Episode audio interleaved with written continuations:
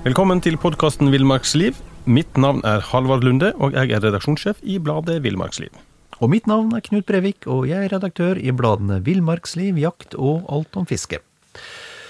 Halvard, vet du hvordan en rev høres ut? ja, jeg husker i hvert fall godt denne Ylvis-sangen 'What Does the Fox Says'. har ingen, der ingen visste det. Ja, det var en landeplage. En landeplage. Ja. Men, eh, men eh, reven har vel et sånt skrik som du kan høre av og til, og en slags bjeffing som, som ikke akkurat er noe sånn vakker lyd. Nei, det er, det er riktig. Men lyden, den bærer langt, og det er nok det viktigste for reven. Den, ehm, den gir jo fra seg lyd for å fortelle omgivelsene at den er der, og at dette er dens område nærmest, da. Eh, og når jeg tenker, så er det ofte om sommeren jeg har hørt den. Og, og, og da gjerne på vei tilbake fra, fra fisketur litt sånn seint på kvelden, natterstid. Da har jeg ved et par anledninger blitt så skremt av reveskrik. ehm, at jeg har måttet, sjekke under, at jeg har måttet ta en sånn sjekk av underbuksa. Det er faktisk sant. Altså, du går stille gjennom sommermørk skog, og så skriker den hest like i nærheten. Ja. Det er, du blir livredd. Nei, så også, også, også en annen tid av året hvor den gir eh, mye lyd fra seg, det er jo paringstida. Og paringstida det, det er i februar og utover i mars, og det kan vel strekke seg helt, helt inn, i, inn i begynnelsen av april òg. Og da er det jo naturligvis for å, for å tiltrekke seg da annet revekjønn, da. Det er litt, litt som sånn skrålende julebordsgjest før siste dans, nærmest. Altså, Reven han har ikke noe sånn annen avansert eh, smalltalker eller kommunikasjon altså, med, med omgivelsene, utenom å skrike. Smalltalker er den vel ikke, men de er, eh, den er ikke dårlig på kommunikasjon, altså. Tvert imot, den, den, har, den har lyder, vi har vært inne på, på to av dem, men, men det, er, det er registrert rundt 20 ulike lyder reven bruker. Og i tillegg så mm, Du vet, dyra, og pattedyra spesielt, kommuniserer jo ikke bare med lyder, de kommuniserer jo vel så mye med, med hjelp av lukter. Og, og, og det gjør reven. Og i likhet med hunden, den er jo, den er jo hundeslekta, reven, så har den et veldig, veldig avansert kroppsspråk. Um, og det er ganske, det er ganske morsomt. Altså, du, du ser igjen Nå får du bladet Villmarksliv rett hjem i postkassa i tre måneder for kun 99 kroner. I Villmarksliv kan du lese om norsk natur, ærlige tester av klær og utstyr, og mange gode turtips skrevet av erfarne friluftsfolk, fiskere og jegere. Send SMS VILL36 til 2205 og motta bladet allerede neste uke. Lev livet villere med bladet Villmarksliv.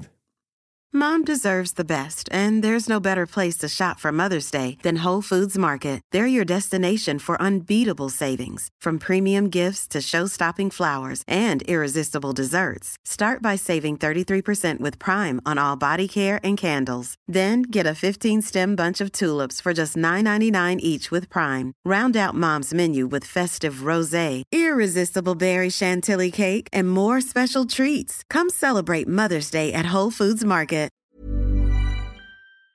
Veldig mange av disse, mange, mange av disse bevegelsene til hunden, når hunden skal være underdanig, eller hunden skal blåse seg opp og være sterk og tøff, altså har et veldig avansert kroppsspråk. kroppsspråk. Men, men reven er enda bedre på overlevelse, Halvard, enn på smalltalk. Ja, for altså, rødreven den er jo det forskerne kaller en generalist. Og den tilpasser seg jo livet og omgivelsene veldig bra. Øh, den er usedvanlig god på det, og den lever ved kysten. og den, Da finner den seg mat i strandsona, og lever den i et område med hjortevilt, så finner den seg gjerne et slakteavfall eller et dødt dyr. Og den følger gjerne veier og kraftlinjer, for der vet reven at det innimellom ligger døde fugler og annet vilt. Og, og hvis reven da bor i utkant av byer, så, så går ikke den veien for å rote i søpla og spise matavfall fra oss, og søppel fra oss mennesker. da. Den er liksom, ja, kort og godt litt sånn i verdensklasse da, til å tilpasse seg omgivelsene. Den spiser jo alt, alt fra, ja, fra mus til kebab. Ja, og den, den eh, fantastiske evnen eh, til å klare seg i alle miljøer, det kan jo være en plage for litt mindre tilpasningsdyktige arter. Og, og da tenker jeg naturligvis på fjellreven. Den er jo litt sånn troskyldig og enkel, fjellreven, og den blir både spist og drevet unna hiene sine av, av rødreven. Altså Nå er jo ikke rødrevens førstevalg, da, skal vi si det. Det er jo ikke akkurat Snaufjell.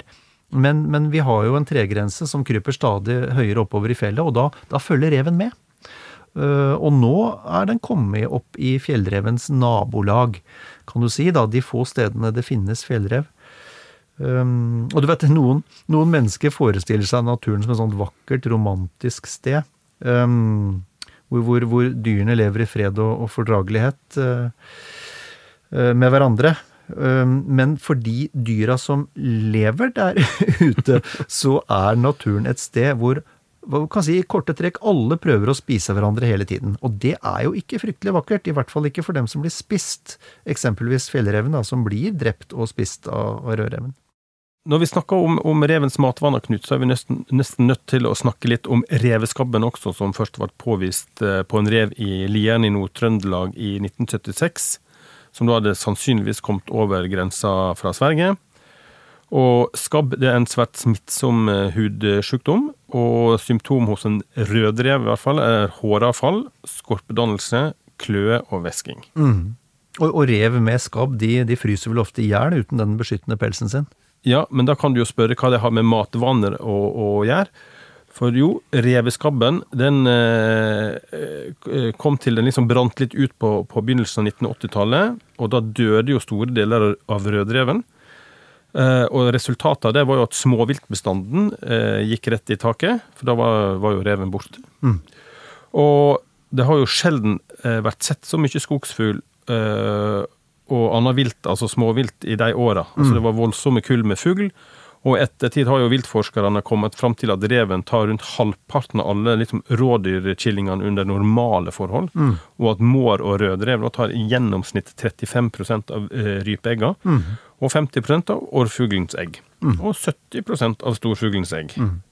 Det var, jo, det var, jo, helt fantastisk. Du kan si den eh, reveskabben da, som traff eh, voldsomt på, på, slutten av 70-tallet, begynnelsen av 80-tallet, det var jo en sånn slags naturens vitenskapelige forsøk. Ja. Eh, mm. Hvor du så hva som skjedde når du fjerna en nøkkelart som reven. Mm. For den er jo en nøkkelart, og den er, som du har vært inne på, den er den viktigste predatoren for mange, mange av de mindre artene.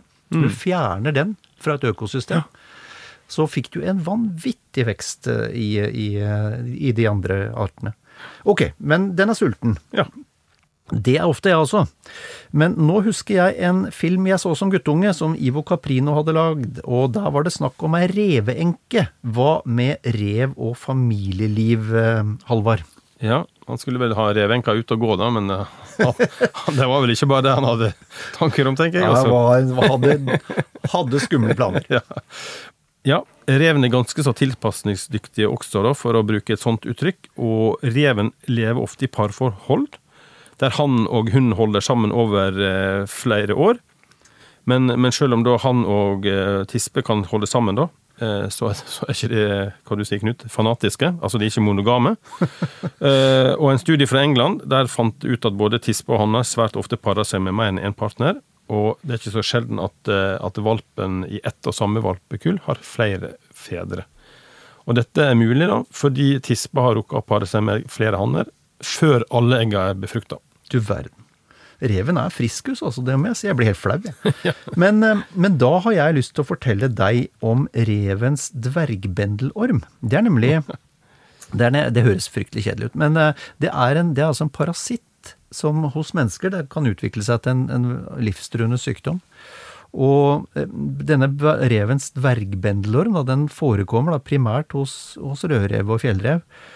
Um, andre rovdyr, som hund, ulv, mårhund, katt, de kan også smittes og skille ut egg i avføringa.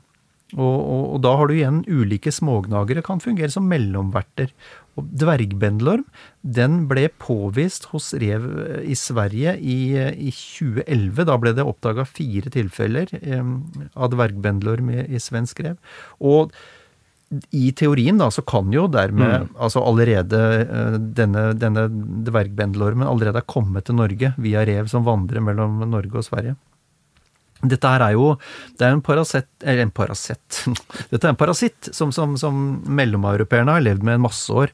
Og der er de Der er de faktisk litt mer forsiktig enn oss med å spise bær i skogen og, og, og sånt, eh, enn vi er her i landet. Altså vi bare hiver oss over Mm. blåbærtua og, og spiser det vi orker når vi er ute på tur, mens, mens mellomeuropeerne har lært seg til å leve med denne eh, risikoen. Den er ikke kjempestor, men det er alltid en viss risiko der for at reven skal ha eh, etterlatt avføring i, i, i vegetasjonen, og at folk kan få det i seg. Så der, der tar de hensyn til det. Um, mye mer forsiktige enn oss. Denne dvergbendelormen den finnes forresten også på Svalbard. Så, og Verdens helseorganisasjon har, eh, har rangert dvergbendelormen som den tredje viktigste parasitten som kan smitte til mennesker via mat. Det er det jeg ser, da. Det var jo ikke noe sånn gladfaktum, da, men uh, litt trist måte å slutte på. Men Kan dro- droppe den, eh, den historien til jule, julematen. ja. Men har du helt på tampen, Halvor, har du lyst til å si noe gøy om rødreven? Ja, da kan vi snakke om, eh, om revespranget, som sikkert mange har sett. Og det er at når reven står helt stille, og så bruker han øyne og øre intenst, før den da skvetter opp i været og lander med potene rett på flekken der den mener å ha hørt ei mus. da. Og det, det er et flott skue, og, og da får jo også reven en liten godbit eh, etter noen hopp. da. Så han er et fantastisk dyr, denne reven. Helt enig. Fantastisk dyr. Takk for praten. Sjøl takk.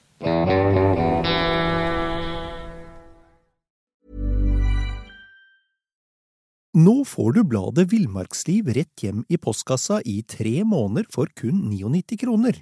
I Villmarksliv kan du lese om norsk natur, ærlige tester av klær og utstyr, og mange gode turtips skrevet av erfarne friluftsfolk, fiskere og jegere.